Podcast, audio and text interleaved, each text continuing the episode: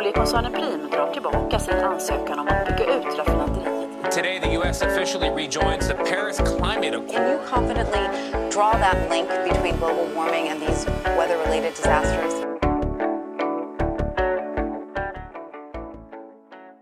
Välkommen till ett nytt avsnitt av Planet och politik med mig, Loras Tovatt. Eh, nu ska vi ha ett avsnitt som jag har längtat efter faktiskt eh, och sett fram emot väldigt mycket. Eh, vi ska prata om psykologi eh, och liksom klimatpsykologi eh, och vad som driver människor och, och så vidare. Och vi har Frida Hylander med oss som är psykolog och som jobbar med klimatpsykologerna. Som ja, men har kompetens inom både då klimat och psykologi. Så att eh, jag tror verkligen att det kan bli jättespännande detta. Vi kör igång.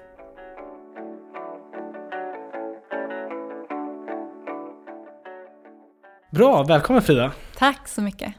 Jag har sett fram jättemycket emot det här avsnittet faktiskt. Mm, jag med! Jag har varit liksom, ja jag har försökt få hit dig, men du bor ju inte i Stockholm så att, ja. Ja, jag vet. Det här är liksom första gången jag är i Stockholm på, ja, sen pandemin. Mm. Mm. Det känns väldigt eh, mm. högtidligt mm. att vara i Stockholm. Mm. Och i riksdagen. Ja, eller hur? Första gången också. Ja. Precis. Mm. Du, eh, vad kul. Eh, först och främst, vad är klimatpsykologerna? Eh, klimatpsykologerna är en grupp psykologer som eh, också har kompetens inom klimatfrågan. Vi har lite olika kompetens. Jag till exempel har en bakgrund i humanekologi, förutom min psykologexamen och så. Men vi jobbar med, eh, vi jobbar med klimat och hållbarhetsfrågorna från ett psykologiskt perspektiv kan man säga. Så både det som har att göra med vad som påverkar eh, vårt hur vi beter oss i klimatkrisen, eh, men också hur vi reagerar och mår i klimatkrisen. Just det. Mm. Just det så, och jag tänker att vi ska prata om lite både och faktiskt den här mm. Eh, kommande timmen. Cool. Eh, då måste jag bara börja med den här frågan som eh, det har varit en sån så här hångrej kring, framförallt från högerfolk. Mm. Eh, finns det klimatångest? ja, alltså, det finns ingen diagnos som heter klimatångest och det finns väl egentligen ingen jättetydlig konsensus kring exakt, en exakt definition kring klimatångest. Det finns i allra högsta grad eh, hos många personer liksom en, en stark negativ upplevelse upplevelse kopplad till insikten om, om klimatkrisen eller klimathotet. Så, där flera olika typer av negativa känslor kan rymmas som ångest eller rädsla men även kanske skuld, eh, sorg, irrit eh, frustration och ilska och så. Eh, vi, jag och mina kollegor brukar liksom för enkelhetens skull säga att, att klimatångest är eh, olika negativa känslomässiga reaktioner på mm. insikten om klimatkrisen. Och mm. det finns i allra högsta grad. Men jag tänker att det är viktigt att komma ihåg att, att det är inte ett, det är inte en diagnos, alltså det är inte ett kliniskt tillstånd och många gånger är inte det ett tillstånd som man behöver vård för, utan det är snarare en, en ytterst liksom rimlig reaktion på ett verkligt problem. Just det, det är väldigt stor skillnad mot en fobi till exempel som är irrationell i sin liksom... Ja, ja precis. Precis. Sen kan det ju vara så att vissa som har klimatångest blir så drabbade att, att det påverkar livet så mm. mycket så att man faktiskt inte fungerar. Och då kan man behöva eh, liksom vård eller liksom psykologisk behandling eh, i det, mm. så att säga. Det är väldigt konstigt att det har blivit liksom sån eh, liksom hånkör från folk kring det här. För det känns ju som att det är så uppenbart att ett sånt hot kan framkalla de här känslorna. Och dessutom kan jag tänka mig, utan att veta någonting om det här egentligen, så är det naturligtvis så att som ensam individ så har du svårt att känna att du kan göra någonting åt det här problemet. Och då ja. blir ju frustrationen mycket större naturligtvis. Ja. Eftersom man är så hjälplös i situationen. Verkligen. Att liksom håna bort det där, det känns ju helt sjukt egentligen. Ja, men det finns ju vissa grupper som älskar att håna allt som har med klimat klimat, eh, Ja, jo tack. klimatet att göra. Och så. Nej, men så att, så att de, de känslorna är i allra högsta grad verkliga och det är också fullkomligt rimligt att reagera liksom starkt och känslomässigt Mm. på klimatkrisen. Mm. Du, jag tänker vi ska... Vi har liksom lite två olika teman här som vi ska gå igenom. Ehm, vi kommer återkomma till det här med hur man bör till exempel kommunicera för att eh, göra saker effektivt eh, kopplat till klimat. Men jag tänker att vi ska börja med att liksom prata om hur människan är konstituerad för att klara av ett sånt här hot. Eh, och då menar jag nästan rent evolutionärt. Eh, för det var några år sedan som jag läste någonting om att det här med att vi liksom är evolutionärt skapta för att agera på direkta hot. Man går på savannen och det kommer ett lejon och man måste agera direkt. Det är, en, det är en akut fara som uppstår i stunden och då måste man agera. Och då får man det här liksom adrenalinpåslaget och, och så vidare. Och så vidare, och så vidare. Och att det är vä- otroligt väsensskilt mot hur eh, vi processar eh, mer diffusa hot. eh, Så som klimathotet egentligen inte är, men så som det uppfattas. Det vill säga att det kanske slår hårdare på andra sidan jorden och det slår i framtiden. Eh, Det är i alla fall uppfattningen man har. Man ser det inte för stunden. Eh, All, alla de här utsläppen i atmosfären, de, man kan ju inte se dem i ögat liksom. Eh, vad- Vill du inleda med någonting kopplat till det här? Vad är, liksom, är, är min sammanfattning hyfsad eller liksom, kan man berätta mer om hur vi är skapta att faktiskt klara av sådana här saker? Ja, men man kan ju säga att det, att det är flera olika saker som påverkar hur vi, hur vi uppfattar eh, ett hot och hur vi liksom reagerar på det hotet. Eh, dels, och det är precis så som du säger, att generellt så är det så att, att, vi, att vi reagerar snabbare på akuta direkta hot och hot där vi har en, en tydlig koppling mellan eh, liksom orsak och verkan på något sätt. Jag tänker om man, om man jämför klimathotet med coronaviruset till exempel så skiljer det sig. Alltså coronaviruset, det är så, även om vi inte kan se viruset så är det en, en mycket mer eh, konkret grej att så här, man blir man är i närkontakt med någon och så blir man smittad och så blir man sjuk och så kanske man dör.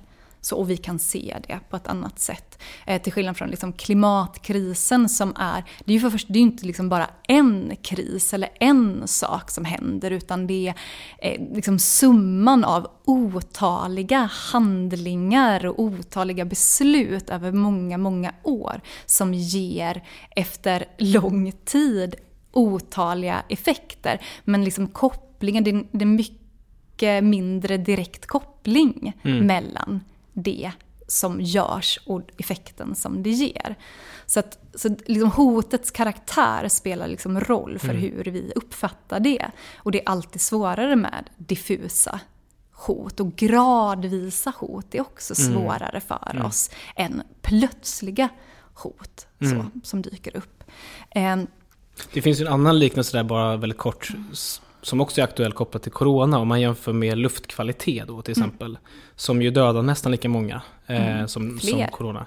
Ja men i Sverige tror jag att Ja, det är lite... Men, men... eh, Och, och där är liksom, det finns ju ingen i Sverige som har hävdat att vi ska stänga ner hela samhället för att 7-8 tusen personer dör varje år av luftföroreningar. Det, det går liksom inte att få till den dramaturgin i debatten. Därför att folk inte ser kopplingen mellan att någon kör med sin dieseljeep in i stan och ett barn får astma eller att en gammal människa dör. nej Ja, precis. det, och det där är någonting som är så fruktansvärt frustrerat för oss som jobbar med de här frågorna egentligen, att det går liksom inte att ta på det. Nej, Och då- verkligen.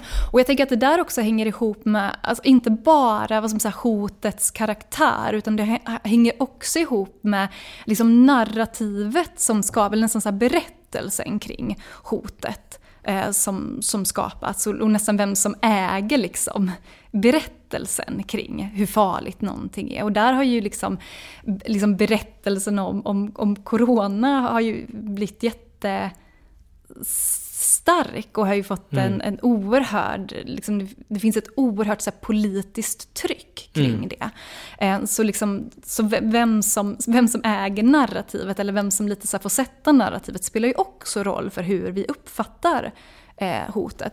Där är ju liksom, vi vill säga att klimatkrisen är ju, har ju egentligen de senaste typ 40 åren har det ju funnits flera eh, säga, nästan konkurrerande eh, narrativ, mm, eller i alla fall verkligen. försök till att konkurrera med narrativet där eh, fossilindustrin och väldigt många eh, liksom, lobbygrupper och tankesmedjor eh, liksom, som va, har varit och är finansierade av fossilindustrin har ju jobbat ganska systematiskt för att skapa ett annat narrativ kring att det inte finns ett klimathot, att det inte pågår en uppvärmning och att det inte är drivet av liksom vårt mänskliga handlande och så här. Och det har ju antagligen spelat kanske mer roll än vad vi riktigt förstår eh, kring liksom hur Alltså mm. så att det, att det ändå finns ett visst tvivel kring mm. hur pass allvarligt det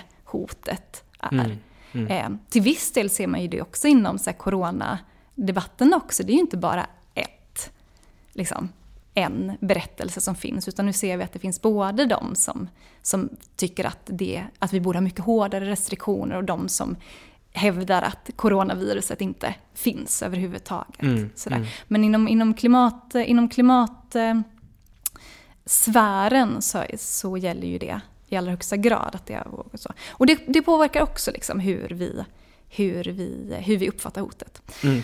Det påverkar också vad vi ser, vad ska man säga, vad vi ser runt omkring oss. Alltså hur vi ser att andra agerar. Mm, eh, påverkar oss oerhört mycket. Hur, vilka budskap vi får från politikerna mm. påverkar oss oerhört mycket.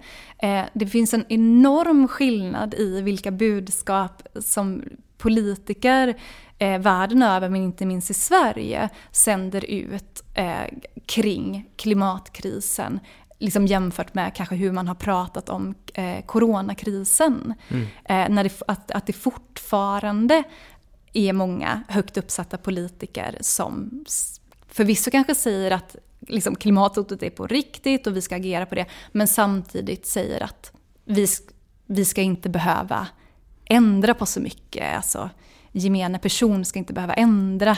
Vi kan flyga för, mer, bara vi blandar in lite mer bio. Ja, exakt. Precis. Mm. Och det spelar ju också roll för hur medborgarna uppfattar mm. hotet. Vad vi, liksom, vad vi får kommunicerat.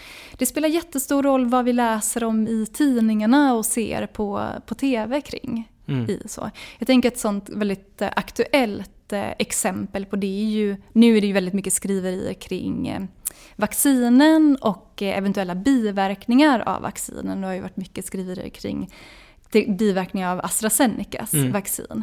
Och de skriver nu pratar vi, och det är ju jätte, jättesmå risker vi pratar om om man tittar på statistiken. Men när det skrivs mycket om någonting och börjar pratas mycket om någonting, då kommer vi att uppvärdera den risken. Alltså då känns det som att det där är farligare än vad det kanske är. Mm. Även om vi har andra saker eh, där riskerna är mycket, mycket större. Mm. Så, så att vår, vår riskbedömningsförmåga är verkligen eh, suboptimal, för att uttrycka det snällt. Mm. Och, det, och det som spelar in där väldigt mycket då är egentligen det här diffus, den här diffusheten. Och lång, att, det, att det är långa tider det tar och så vidare. Alltså, jag menar om, om folk hade börjat falla ner döda på gatan av, av klimatförändringarna, mm. då hade ju vi kunnat se det med de här med egna ögon och agerat direkt. Liksom, då hade det blivit en helt annan sak. Ja, och tror jag om, om, eh, om politiker hade, hade kommunicerat, alltså hade vi haft dagliga presskonferenser om ja. klimatkrisen och hur många som har dött till följd av klimatkrisen och hur mycket som släpps ut varje dag, alltså om vi hade fått det, så tror jag mm. att det också hade påverkat hur vi hade, mm. hur vi hade uppfattat det. Mm. mm. Det där är faktiskt intressant. Vi har eh, apropå det så har vi drivit en del att, att man ska ha en sak som vi gjorde faktiskt när vi tog över makten var att vi skulle ha eh, kvartalsrapporter på utsläpp. Mm. Men sen så har vi drivit att man ska ha ännu snabbare uppdateringar. Bara för att kunna ha den här nästan dagliga uppdateringen. Hur går det egentligen med utsläppsbekämpningen? Mm. Det är ju verkligen någonting, det är faktiskt relevant just för att få den här kontinuerliga informationen. Att man liksom kommer ut med den hela tiden. Ja. Verkligen. Det påverkar. Mm. Men du, okej okay, så att vi, man kan väl säga på ett generellt plan, eh, vi är påverkbara när det gäller vår liksom reaktionsförmåga. Vi, vi påverkas av vad politiker säger, vad pressen säger och sådär. Men, men vi är inte jättebra rustade att kunna hantera sådana här kriser generellt. Eftersom det är det här diffusa och liksom, vi hade kunnat agera på ett annat sätt om vi uppfattade att det var en, en kris som slog mot oss här och nu. På, på min gata hemma i, i stan liksom, och att jag kunde se effekterna. Ja, det hade vi allra troligast gjort. Jag tror också att, jag tror en sak som, som blir eh, på ett sätt liksom märklig också i, i hur, det, hur det många gånger kommuniceras kring liksom klimatkrisen och kring, kring vad, vad man ska göra för att lösa den är att liksom de, de, de lösningar eh, som kommuniceras inte alltid är i paritet med med omfattningen av hotet eller omfattningen mm. av problemet. Mm. Eh, kanske framförallt i det som kommuniceras till liksom individer. Mm. Så. Att det finns ju också en ganska lång tradition i och där jag tänker att, att även liksom miljöorganisationer har varit med liksom, mm. i det. I att, att kommunicera att, så här, ja, men, att det, vi, det vi som individer kan göra för att bidra till det här är, är ganska små grejer. så släcka lampan och byta mm. till förnyelsebar el och eh, sopsortera och höja temperaturen i kylen en grad och stänga av vattnet när man schamponerar sig och stänga av vattnet när man borstar tänderna. Alltså det finns jättemånga sådana mm. saker som är förknippade med att vara eh, liksom miljövänlig eller att vara klimatsmart som liksom har kommunicerats som del, en del av lösningen på mm. problemet.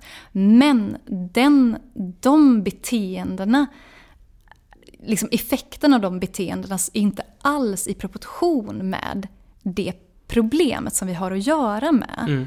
Eh, och det, det, det, det, gör ju någonstans också att, att det inte bara handlar om att människor inte gör någonting eller att människor inte agerar utan också att många, det många ägnar sig åt faktiskt inte är det som kommer att bidra till den här stora förändringen som, mm. vi, som vi behöver göra. Som liksom klimatforskarna är överens om att vi behöver göra. Och det, för, det är en jättebra brygga, för det för mig in på en annan del som jag tänkte prata om just kring den mänskliga psykologin eh, inför det här hotet. Det här med effektglapp och negativ spillover-effekt. Mm. Eh, berätta vad det är för någonting. ja, men effektglappet är eh, vad ska man säga, glappet mellan de beteenden som vi utför och den effekten som det ger. På engelska kallas det här för the behavior impact gap, eller the big problem. Ehm, och, och det effektglappet kan man liksom se på, på egentligen alla olika nivåer i, i samhället. Som på individnivå kan det handla då om att en person kanske ja men så, är jättenoggrann med att sopsortera och alltid köper eh, för, liksom plastfritt eller alltid släcker lamporna, alltid tar med sig sin tygkasse till, eh, liksom till affären. Eh, men, men i övrigt kanske inte gör någonting, kanske inte jobbar för att Eh, påverka företag eller påverka politiken. Mm. Kanske inte eh, har sett över var man har placerat sina pengar. Kanske, och det är här, här kommer vi någonstans, så man säger alltså att effekten av de där små beteendena uteblir, eller det blir så himla liten, det blir så liten effekt av det. Alltså det, är, bara, det är en marginell effekt i relation till vad som krävs. Precis. För, att vi ska liksom, Men mm. man kan ha känslan av att man gör mm. jättemycket. Man kanske och, känner hela dagen att man går runt och är miljövänlig och tänker efter jättemycket i alla de här små små grejerna som man håller på med. Och här hörde jag din kollega berätta om att det fanns någon forskning kring att det är människor, människor som är miljömedvetna är ofta sämre för klimatet än människor som inte är miljömedvetna. Alltså att, att, man, att man till och med kanske Eh, man tror att man är så bra för att man gör de här små grejerna så att då kompenserar man och, och unnar sig en till Thailandsresa eller liknande. Mm. Så att det i själva verket är så att det kanske inte ja, men just det här, den här dissonansen mellan de här två olika polerna. Ja, precis. Så på samma sätt som vi är ganska dåliga på att göra så bra riskbedömningar och att vår riskbedömning ofta är mycket mer så här känslomässigt driven än vad den kanske är så statistiskt driven. Så är vi också ganska dåliga på att uppskatta då effekten av våra handlingar på, på klimatet till exempel. Så att vi kan ha en känsla av att vi gör väldigt mycket men den faktiska påverkan kan vara ganska så liten. Så. Mm. Eh, och, där, och, här kan man då trilla in i någonting som kallas för eh, liksom biverkanseffekten eller negativ spillover. Mm. Som då, och det finns olika typer av negativ spillover, men en sån är det som kallas för moraliskt rättfärdigande eller moral licensing. Och det är precis det som du, som du säger där, att man, man kanske är så supernoggrann med sitt eh, sin sopsortering. Eller man kanske är vegan, superstrikt vegan. Och så har man så, så ger det en, en slags känsla av att, så här, att, man, att man bidrar, att man gör liksom, de här moralisk liksom, hyvens handlingarna. Eh, och då känns det för vissa lite mer rättfärdigat att till exempel fortsätta flyga till Thailand. Mm. Så. Och det där är väl om något ett bevis på att vi behöver politiken, tänker jag. Alltså det är så himla sjukt att lägga det ansvaret på individer, mm. Eh, tycker jag i grund och botten. Verkligen. Alltså att ja. det är en sån himla märklig ja. idé att, att individen ska gå omkring och ha massa individuell ångest och sen så visar det sig att det ändå inte funkar för man kan inte göra de nej, analyserna och bedömningarna. Nej, precis, det är jättesvårt. Men jag ska säga att politiken trillar ju också ner i effektglappet ja, hela tiden. Eh, och eh, drabbas ju av eh, liksom den här biverkanseffekten eller negativ spillover också. Mm. Mm. Och det är ju någonting, och det, jag, tänk, jag tänker att en anledning till det Förutom det att vi, vi är ganska dåliga på att uppskatta effekten av olika saker som vi gör, så är vi eh, individer, organisationer och till viss del, det här kanske du har, har andra tankar om, men att, att politiker också inte alltid är superbra på att liksom zooma ut och se helheten mm. och att se alla olika saker som vi gör i relation till varandra. Mm. Och det är ju också någonting, jag tänker i att vi i den här samtiden som vi lever i, att vi är väldigt drillade i att vara, dels är vi väldigt drillade i att ha ett väldigt individualistiskt tänk, men vi är också ganska drillade i att, att titta på, på, på delar snarare än att titta på helheten. Mm. Alltså vi är inte så bra på att ha ett sånt mer helhetstänk kring mm. så. Jag kommer ihåg det var en tidigare näringsminister som var och invigde den här nya flygplatsen vid Sälen. Sån jävla haveriflygplats. Mm. Eh, och då fick han just frågan sådär, men eh, hur lirar det här med liksom, ambitionen om klimatet och sådär? Och så svarade han, ja man måste kunna gå och tugga tuggummi samtidigt. Så det var verkligen som att han rättfärdigade liksom det här med att ja, men vi, vi jobbar med flyget på annat sätt. Så ja. då kan vi också göra det här. Ja. så det är liksom, ja, men då blir det ju det blir ingen effekt. Liksom, Nej, och det där är ju verkligen så ett moraliskt ja. rättfärdigande. Och en an, där tangerar ju också en annan sån psykologisk mekanism som jag tänker att vi alla hamnar i hela tiden som kallas för kognitiv dissonans. Mm. När, när vi liksom kanske vet någonting, vi, vi har liksom information eller kunskap om att så här, det är inte bra för klimatet att vi fortsätter flyga.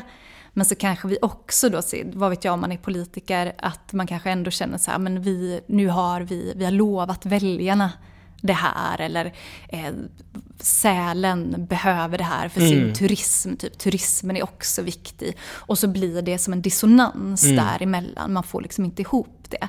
Men där är ju vi människor så exceptionellt bra på att liksom hitta sätt att rationalisera det mm. vi gör.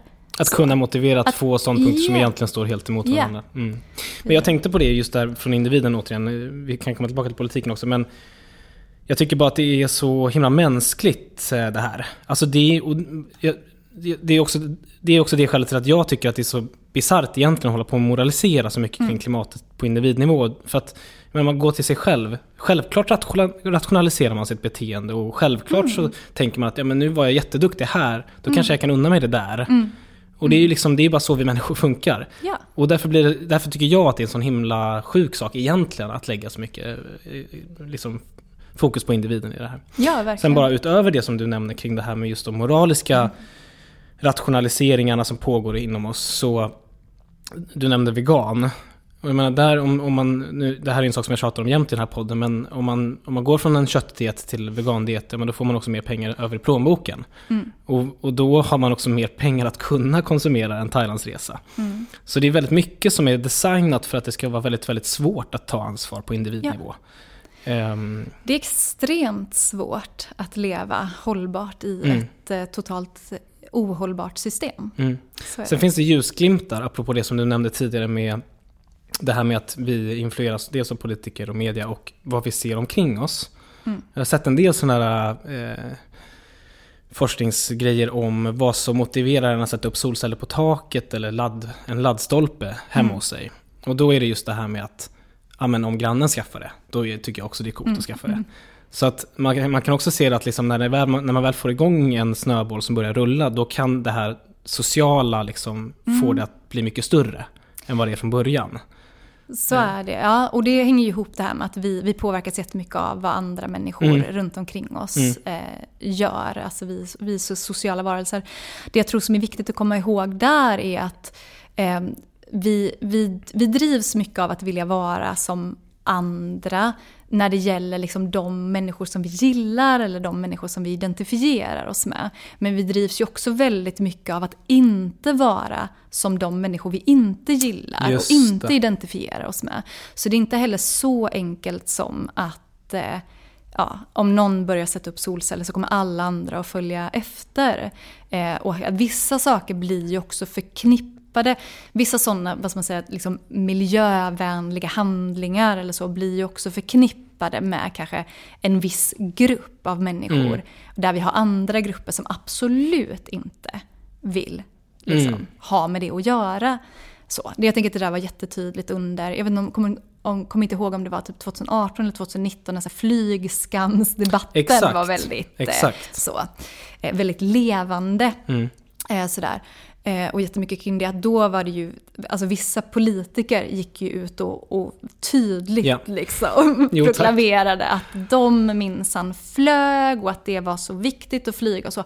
Vilket jag tänker mer än någonting annat handlar om ett ställningstagande, att liksom tydliggöra att så här, jag tillhör inte den gruppen. Mm. Jag vill inte förknippas med eh, gruppen som inte flyger. Mm. Så, så, och det, är ju också, det, där, det har också att göra med det här sociala trycket, eller att vi är sociala människor. Mm. Även om Just det det. ibland då innebär att vi tar avstånd. Mm, mm. Ja, men det är väldigt spännande. Jag, jag tänkte vi ska, innan vi går in lite mer på kommunikation och så, så tänker jag vi ska prata om en annan sak som också handlar om hur vi är funtade som människor. Och lite mer filosofiskt nästan, den här metaboliska revan som man pratar om. Eh, och den kan man, perfekt, du är ju human ekolog så det är utmärkt tänker jag. Eh, och jag, jag är inte expert. Eh, Definitionsmässigt så tror jag att det är lite olika eh, saker här. Men jag, en, en viktig del är i alla fall det här med liksom att, man, att vi människor eh, har en tendens att värdera någonting mindre ju längre bort ifrån det vi är. Vi har ju redan pratat om det här egentligen kan man säga, om klimathotet. Men på mer fundamental nivå. Att, det var också någonting som jag läste för några år sedan att eh, barn som växer upp nära naturen har en mycket större potential att även i vuxen ålder känna empati med naturen till exempel. Att den här eh, faktiskt fysiska kopplingen till naturen gör oss mer benägna att värna om den. Eh, och men också på, på, en, på ett globalt plan, just det här med att eh, vi har kommit så långt ifrån produktionskedjor, vi vet inte hur maten som är på våra tallrikar, vi vet inte hur den producerades, vi vet inte var den producerades. Eh, och därför så har vi liksom väldigt svårt att ehm, eh, anknyta till den på, något, på ett känslomässigt plan på något sätt. Eh, är det här, var det här en sammanfattning om, om den metaboliska revan? Jag vet inte, jag kanske är helt ute och cyklar här. Ja, precis. Eh, nej, men alltså, eh, det, här, det här blir ju liksom konsekvenser av Mm, okej. eh, den metaboliska revan. Att vi, att vi kommer Alltså vi, vi, vi kommer längre bort ifrån, i tid och rum så kommer vi längre bort ifrån liksom konsekvenserna av våra handlingar. Vi ser inte vad, eh, vad våra handlingar liksom ger för konsekvenser. Så både på naturen men också på andra delar av världen. Om vi tänker att det, att det, vi, det vi gör någonstans nu är att vi vi, vi, vi nyttjar, liksom, vi tar från naturen liksom, resurser och råvaror och så använder vi dem på olika sätt. Vi äter och vi konsumerar och så. Och sen så lämnar vi liksom tillbaka skräp och mm. oordning så, eh, som, som liksom läggs på hög. Alltså det går inte tillbaka till naturen och kan liksom fortsätta i ett... I, liksom så, vi, vi stör den metabolismen på något sätt. Och på samma sätt så tar vi ju också mycket... Eh, vi nyttjar också liksom arbetskraft och resurser mm. från delar av världen där arbetskraften är billigare till exempel och där kanske råvarorna är billigare. Och så importerar vi dem och så nyttjar vi de här och så lämnar vi tillbaka skräp och oordning. Mm. Så. Väldigt så generaliserat mm. så, är, så är det någonstans så som mycket av eh, liksom flödena i i världen ser ut mm. nu och hur vi liksom agerar gentemot naturen men också gentemot andra delar av världen och så.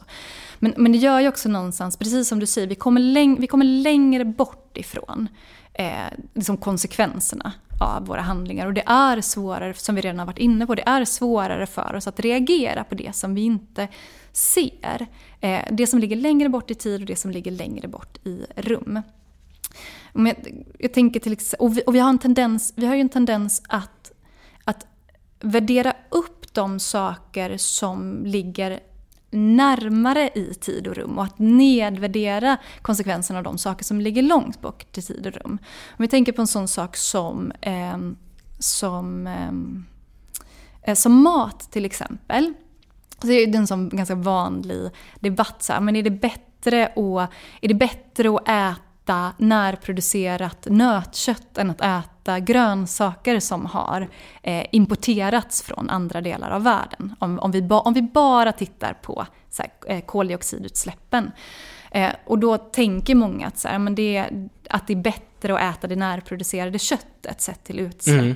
För att vi, eh, vi, vi, har, vi har lättare, verkar det som, att se eller att i alla fall föreställa oss utsläppen från transporter eller utsläppen från förpackningen som saker och ting kommer i.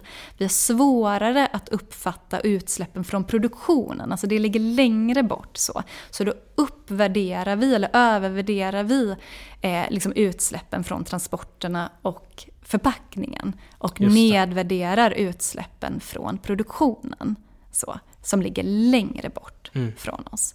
Så återigen så hamnar vi någonstans i det där att våra bedömningar stämmer inte. Mm. Men i alla fall, men tillbaka till det som du sa med det här med liksom naturen och spelade roll liksom om vi bor nära naturen. Så här. Eh, det, jag vet att det finns en del liksom, studier på det där och det finns en del teorier om det där. Jag tror att det är lite inte, vad jag vet, eh, det kan vara att jag inte har superkoll, eh, så, så är det lite svårt att, göra, alltså, att säga om det, är, om det finns liksom kausala samband. Exakt, alltså, vad är hönan och ägget här? Ja, precis. Mm, orsakssamband kring det. Men om vi liksom teoretiserar kring det så är det ju inte heller märkligt att, att om du det, det, vi, det vi känner till väl, det har vi också lättare att uppfatta nyanser mm. i. Det har vi lättare att uppfatta liksom förändringar i. Så. Mm. Um, om, ja, är jag ute och går i skog, jag är ju verkligen ingen biolog, men jag vet att någon gång har jag varit ute eh, så här, i skogen med, typ en, med så här, biologer, som, och de ser, de ser ju liksom insekter överallt. De ser hur mycket som helst som går mig förbi. Ja, samma här, det är fascinerande. Ja, eller hur? Man fattar inte hur de... Så. Och det är klart att känner du till någonting väl, de kommer ju också märka om de där insekterna en dag inte är där lika mm. mycket eller om träden har förändrats lite grann på ett sätt som jag inte kommer att uppfatta för att jag inte känner det där lika väl eller har lika bra koll på det. Men sen tänker jag alltså, och jag är verkligen inte expert, men, men för mig, det som jag tror ändå finns ganska vedertaget, det är ju det här med vilken enorm positiv hälsoeffekt naturen har för Mm. oss. Alltså att man, man går ut i skogen så kan man själv känna, eller så känner man inte men det sker liksom undermedvetet och liksom utan att du känner det, att man blir uppvilad och att det har en väldigt positiv hälsoeffekt. Och det i sig skapar ju naturligtvis en betingning, liksom att man eh, mår bättre och, och så kommer man koppla det till skogen eller till naturen på något sätt. Jag, jag läste till och med något, något som var helt bisarrt och det var att ibland kan det bara räcka med att titta på en naturfilm för att man ska kunna få den effekten. Eh, typ David Attenboroughs liksom, filmer så kan man få nästan motsvarande effekt som att själv vandra i skogen. Och det säger någonting om hur effektfull nat- naturen är Ja. på oss. Ja. Och det borde ju kunna leda till eh, effekter på hur vi liksom värderar den, om vi, upp, liksom, om vi upplever den. Och om vi aldrig upplever den, och om vi inte har någon, om, om den här revan är total mellan oss och, och naturen, ja då blir det mycket svårare för oss att liksom kunna värdera den, eller ta in den i vårt liksom, känsloregister eller vad Ja. man ska säga. Ja, alltså det, det, det vi har en koppling till, det, det är vi ofta mer motiverade till att eh, vårda och värna. Absolut. Och det är verkligen så att vi mår, vi mår bra av att vara i naturen. Det finns det mycket forskning på. Och jag kan också tycka från mitt liksom kliniska jobb när jag sitter på mottagningen och tar emot patienter och träffar jättemånga utmattade personer till exempel. Att, att naturen är ett liksom, återkommande inslag när man ska liksom, titta på vad som, vad som skapar lugn och återhämtning. Eh, men också liksom, en känsla av meningsfullhet och en känsla av närhet och så. Så det är fullkomligt eh, supertydligt tycker jag att, att Mm. vi behöver naturen. Eh, Mm. och ibland så, men det är också en del i det här samhället som har gjort att vi, har, att vi glömmer bort att vi behöver naturen. Mm, mm, mm, mm. Du, underbart. Vi ska gå vidare till att prata lite kommunikation. Och liksom det här, nu har vi pratat om att vi människor är ganska dåliga på att liksom hantera den här krisen. Eh, och nu ska vi prata liksom mer om vad kan politiker och vad kan organisationer och sådär göra, eller media och sådär, för att liksom motivera människor. Eller, och när jag säger motivera så menar jag inte så här, lägga ansvaret på individens axlar, men ja, du förstår vad jag menar. Motivera till samhällsförändring på Ja. olika sätt. Eh, Men då tänker jag att vi ska ta utgångspunkt ändå i, i vår stora tänkare, alltså vår tids stora tänkare och det är Greta Thunberg. Eh, För hon har ju återkommande liksom varit väldigt tydlig med att hon, hon själv kommer liksom inte göra några, några, så tydliga politiska ställningstaganden. Hon har gjort en del men liksom inte i sakfrågor. Eh, utan hennes kanske viktigaste grej är det här lyssna på forskarna och det, det andra som hon hela tiden kör på är just det här beskriv det som en kris och eh, liksom informera. Alltså in, skapa en krisinformation kring klimatet. Vi var ju lite inne på det tidigare faktiskt när vi pratade om det. Ehm, och då är egentligen frågan här, räcker det? Alltså om människor blir upplysta, kommer det räcka eh, för att vi ska liksom kunna få stänga det här eh, gapet egentligen? Nej, Nej, okej. Ja. är det korta svaret Ja. på det. Det kommer inte räcka med att informera människor om, eh, om läget. Eh, det finns många människor som är informerade om läget och som ändå inte agerar. Eh, och jag tänker en, en, en anledning till det är att vårt, våra beteenden styrs av väldigt mycket mer än det vi har information om. Mm. Eh, Det, har vi, det kan vi med väldigt gott stöd i forskningen säga att det är så. Och det tänker jag att alla också känner igen sig i. Att vi alla ägnar oss åt saker som vi egentligen vet att vi inte borde göra.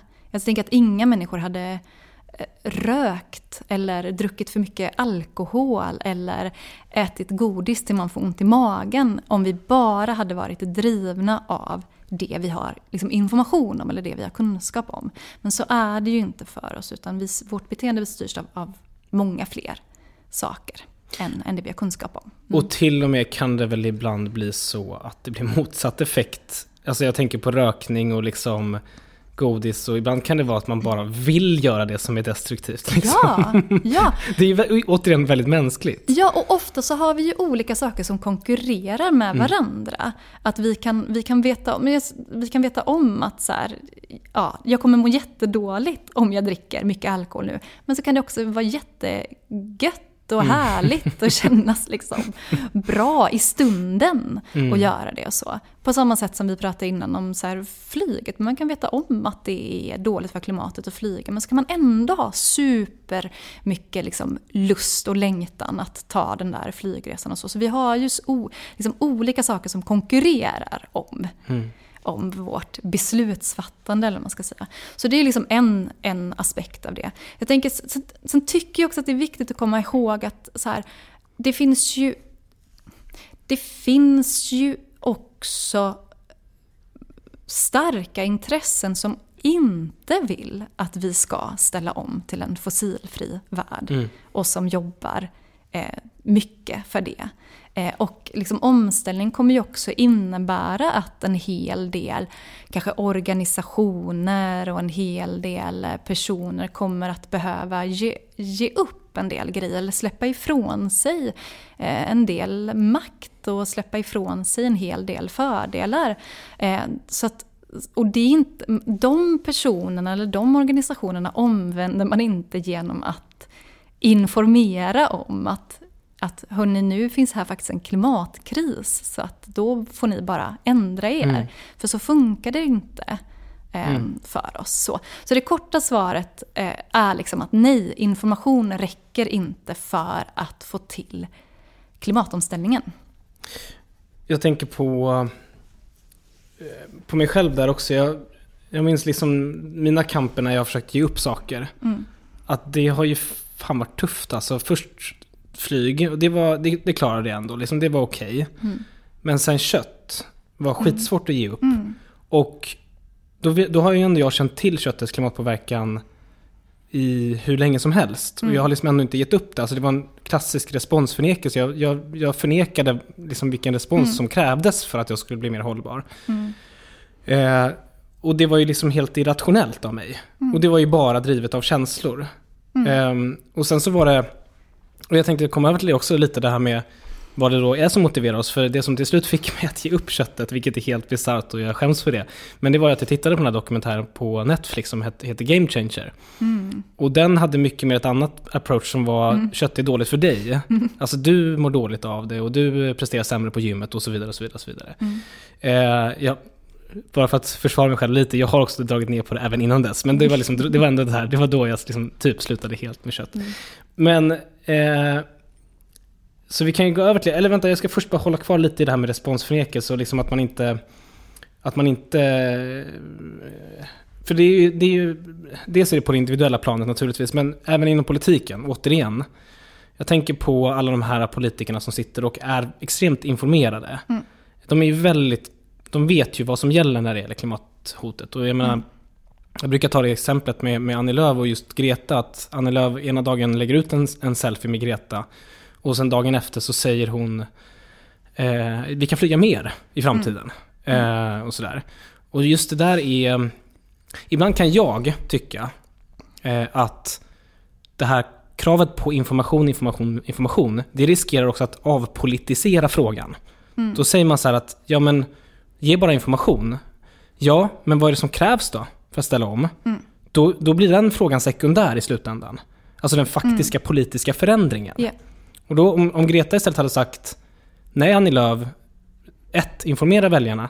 Två, du kan inte säga att vi ska flyga mer för det är att förneka vilken respons vi måste, vi måste ha på klimathotet. Ja. Då hade ju det fått en mycket större politisk förändringstryck än att bara säga att information är viktigt. För alla politiker kan säga, det är, det är ingen fara för någon politiker att säga vi lever i en kris. Nej. Det, det kan alla skriva under på. Alltså Stefan Löfven, Annie Lööf, alla kan skriva under på det.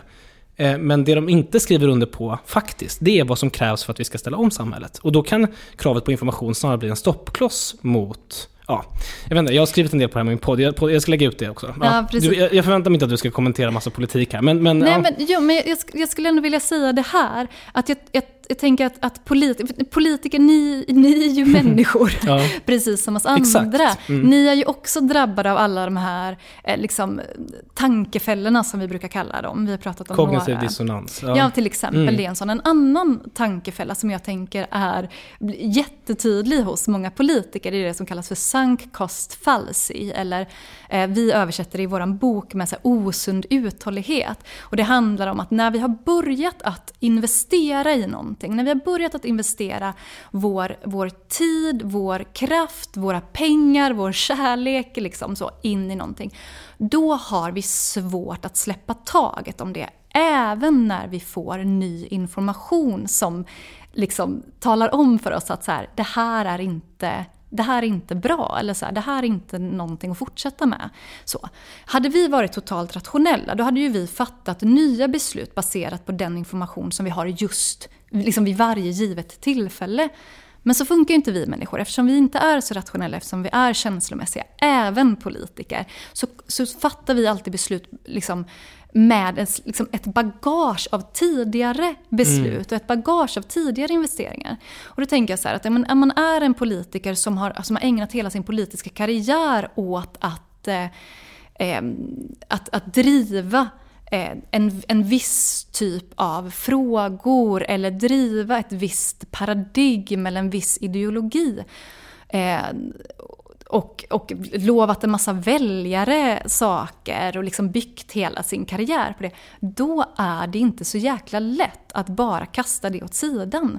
Så jag kan också liksom förstå Annie Lööf, att, att hon Förstår du? Det, det, blir Jag som ett, ett, det blir som en för stor förändring för henne att göra. Även om hon har informationen så väger antagligen den här sunk cost fallacy tyngre för henne. Och det är klart att då skapas jättemycket kognitiv dissonans och då måste hon liksom hitta något sätt att på något sätt lösa det där. Så att hon både kan då gå och tugga tuggummi Ja, just det. samtidigt. Så. Men det här ser man ju hela tiden, det blir ju jätteförvirrande för oss väljare. Att så här, men vad säger du? Hur kan du säga att det är kris och sen samtidigt så ska vi liksom fortsätta och egentligen inte ändra på någonting? Liksom, hur får du ihop det och så? så Och, att, och ibland kan det ju vara ännu mer eh, nattsvart på så sätt att det kan vara så att man till och med gör en väldigt informerad och väl medveten eh, kalkylering. Alltså det kan ju vara så att man säger, Mm. ja vi lever i en kris, men vi tycker ändå att Volvos jobb är viktigare. Alltså arbetstillfällen, det är Mm. Ja. viktigare än att lösa Ja. krisen. Så det kan ju vara liksom, o- men oavsett vad egentligen så blir kravet på information, det är fortfarande viktigt naturligtvis. Men ibland kan det just bli det här med att man, då tar man egentligen kanske bort fokus på de frågorna som verkligen bör ställas. Det vill säga, vänta nu, menar du på allvar att du tycker att Volvos arbetstillfällen är viktigare än vår gemensamma klimat? Ja. Eller menar du på allvar att vi kan flyga mer eh, trots att du vet att vi, att vi är i en klimatkris? Alltså det är ju egentligen de, de rimliga frågorna att ställa en politiker. Precis. Och och väldigt ofta så slipper ju politiker svara på de frågorna. Alltså om man säger så här, okej men nu har vi satt upp de här målen, hur? Hur ska vi nå dem? Vad är liksom de, liksom de konkreta stegen dit? Eh, så så att på ett sätt, om jag tänker om vi, om vi kommer tillbaka till Greta Thunberg eh, och liksom hennes strategi, så tänker jag att jag tror att jag tror att det är viktigt att, att se på Greta Thunberg inte som en, en politiker, Nej. utan som en aktivist. Och att fundera över så, här, men vad är liksom hennes roll som aktivist. Alltså det är inte att lägga fram eh, politiska förslag eller förtydliga, utan hennes roll är ju snarare att, eh, att förskjuta diskussionen eh, liksom åt, åt, åt sitt håll, så att säga. Att liksom förskjuta ramarna för diskussionen, men också att, så här, att hålla koll på vad det politikerna gör och att, eh, att, liksom, att säga ifrån att så här, app, app, app, liksom. Era löften är, är tomma och ni gör inte tillräckligt mycket, ni måste göra mer, ni måste göra mer. Så jag tänker att det är liksom hennes, hennes roll. Snarare, det är inte hennes roll liksom att ta fram de konkreta förslagen. Utan det är liksom politikernas roll. Och det tänker jag att hon är, eh, att hon liksom är väldigt tydlig med. Mm. Så. Ja, men ja. Ja Nej, men I grund och botten håller jag verkligen med om det. Sen är ju så här, den ständiga frågan är ju, eller, men jag är också på ett sätt egoist här för att jag vill ju naturligtvis flytta liksom, debatten i en riktning som jag tycker är mer liksom, ja, åt ett visst håll.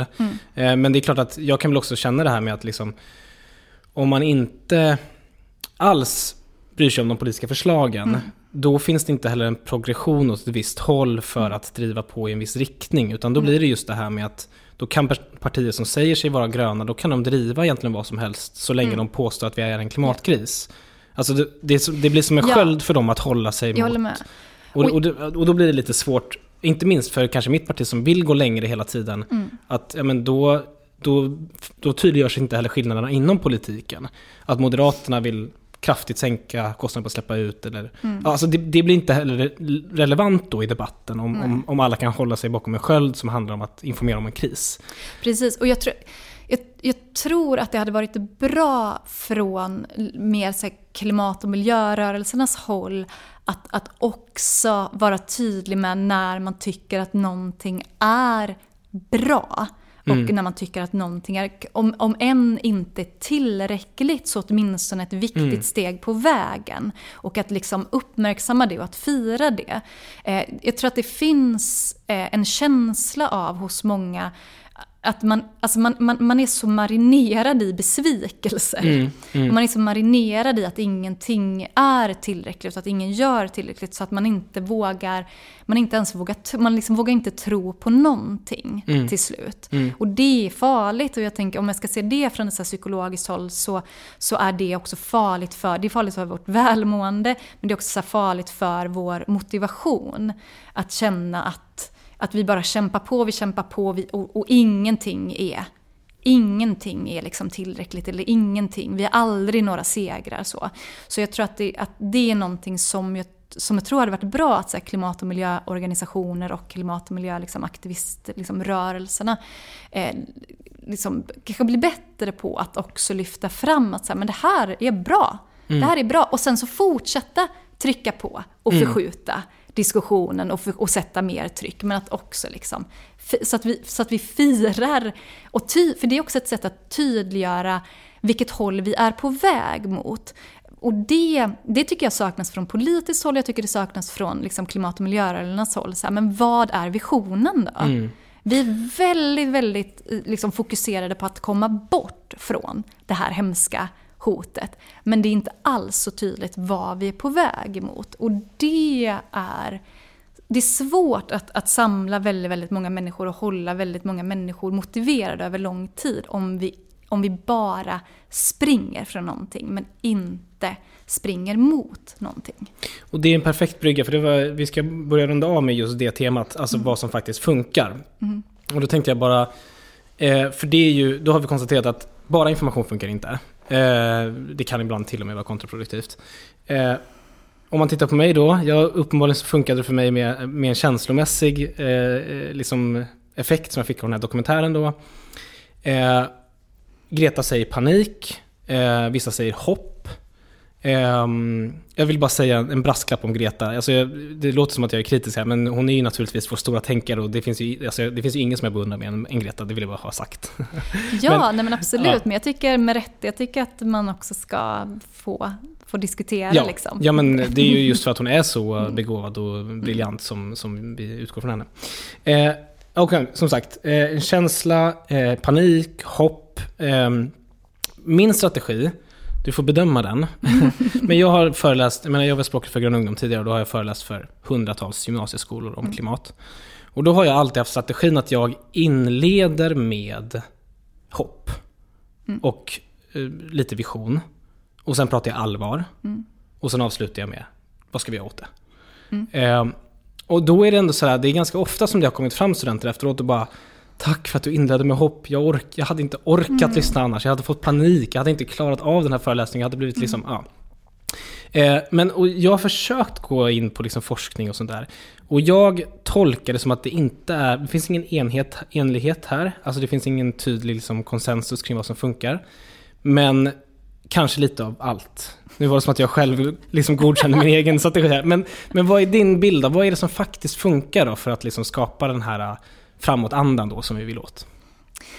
Ja, precis. Och, och det är, eller jag tänker så här att, att det, det beror lite på vad vi menar när vi, när vi pratar om ordet hopp. Jag tänker Ja. att, att hopp är ett sånt där ord som, eh, eh, som, som kan betyda allt från liksom, verkligen så tomma ord till faktiskt kraftfull handling. Eh, men jag skulle säga att, att hopp är, alltså om, om vi ser på hopp som mer av ett, liksom, ett verb, alltså att, att hopp är någonting som vi skapar. Så då skulle jag säga att, att hopp är väsentligt så, för att vi ska eh, orka och för att vi ska hålla oss motiverade och så. Men, men hopp, bara för liksom något slags som, som ett tomt ord kommer inte att motivera oss. Det kommer inte att samla oss. Eh, På samma sätt som det inte, vad ska man säga, det är inte att inge hopp att, att berätta om den här stora krisen och sen föreslå för människor att de ska eh, släcka lampan när de lämnar rummet. Alltså det är inte att skapa hopp. Så att jag tror, att, att, jag tror att, nå- att det finns något oerhört viktigt med att att, att, att bidra till att skapa hopp men att se att det gör vi också genom att tydliggöra eh, hur vi ska gå tillväga gemensamt för att hantera den här krisen. Och att, att hjälpa människor att liksom hitta sin plats i det här enorma arbetet som vi tillsammans behöver göra. För hopp handlar ju också, jag tänker alltså i, i klimatkrisen och för personer med klimatångest eller klimatoro så finns det någonting oerhört viktigt och hoppingivande. Både att vara tillsammans med andra men inte minst att också kunna känna tillit till de institutioner som finns i samhället. Så. Så jag tänker att, att, att hopp är viktigt. Det är, jätte, det är viktigt att prata allvar om krisen. Man hjälper ingen av att linda in den här krisen.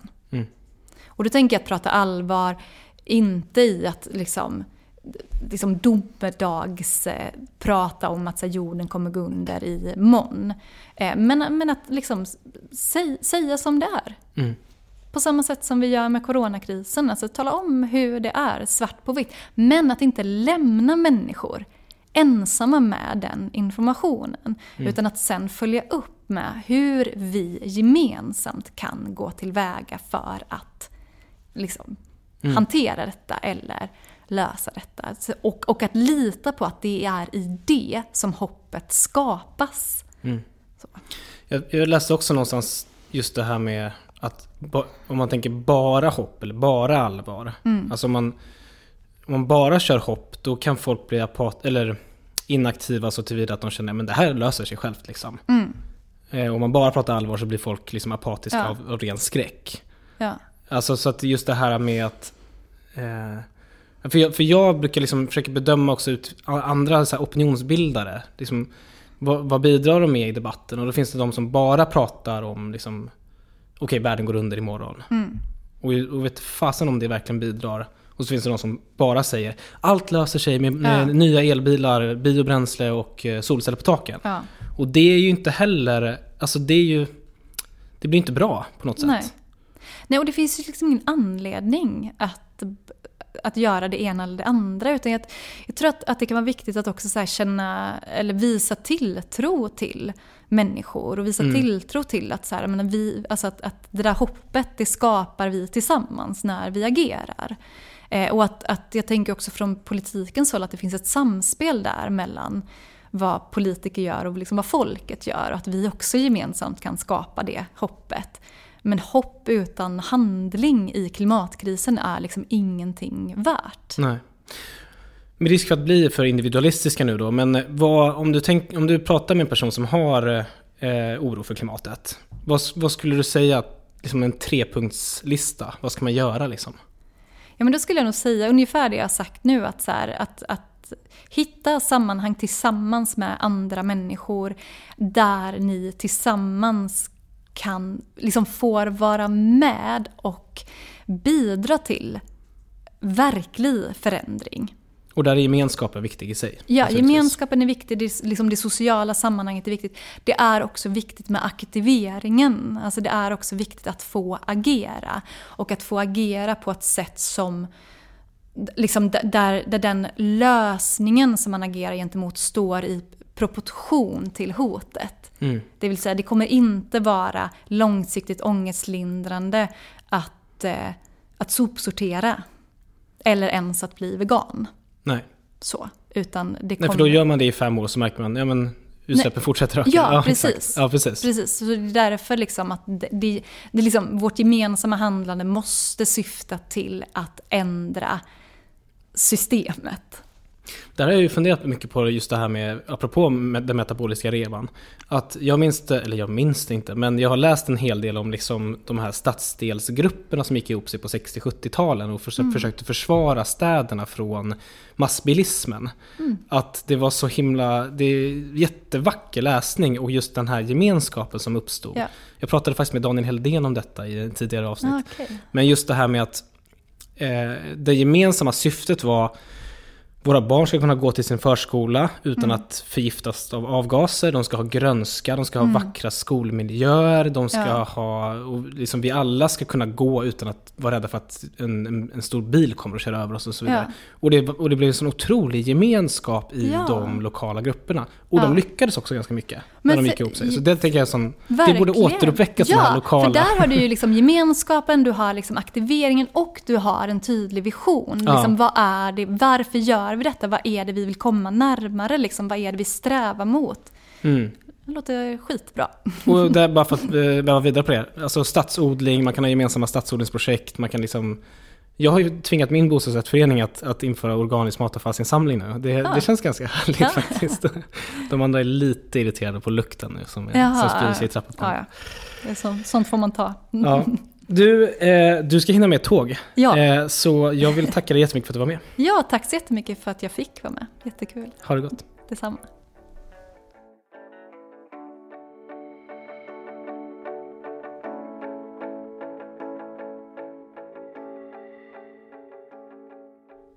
Tack för att du har lyssnat. Eh, om man vill läsa mer på det här ämnet så kan man läsa eh, Fridas bok Klimatpsykologi. Som, eh, jag faktiskt inte har läst den men, men jag är taggad på att läsa den. Eh, rekommenderar den eh, om man vill fördjupa sig. Eh, jag har också bloggat lite på det här temat tidigare. Jag ska länka den eh, bloggposten i eh, presentationen för det här, det här avsnittet. Eh, och jag vill förstås tacka för att ni har lyssnat den här veckan och tacka till, tack till Christian Hanner som har hjälpt mig med ljud, klippning och eh, vignett. Eh, och vi hörs igen om en vecka.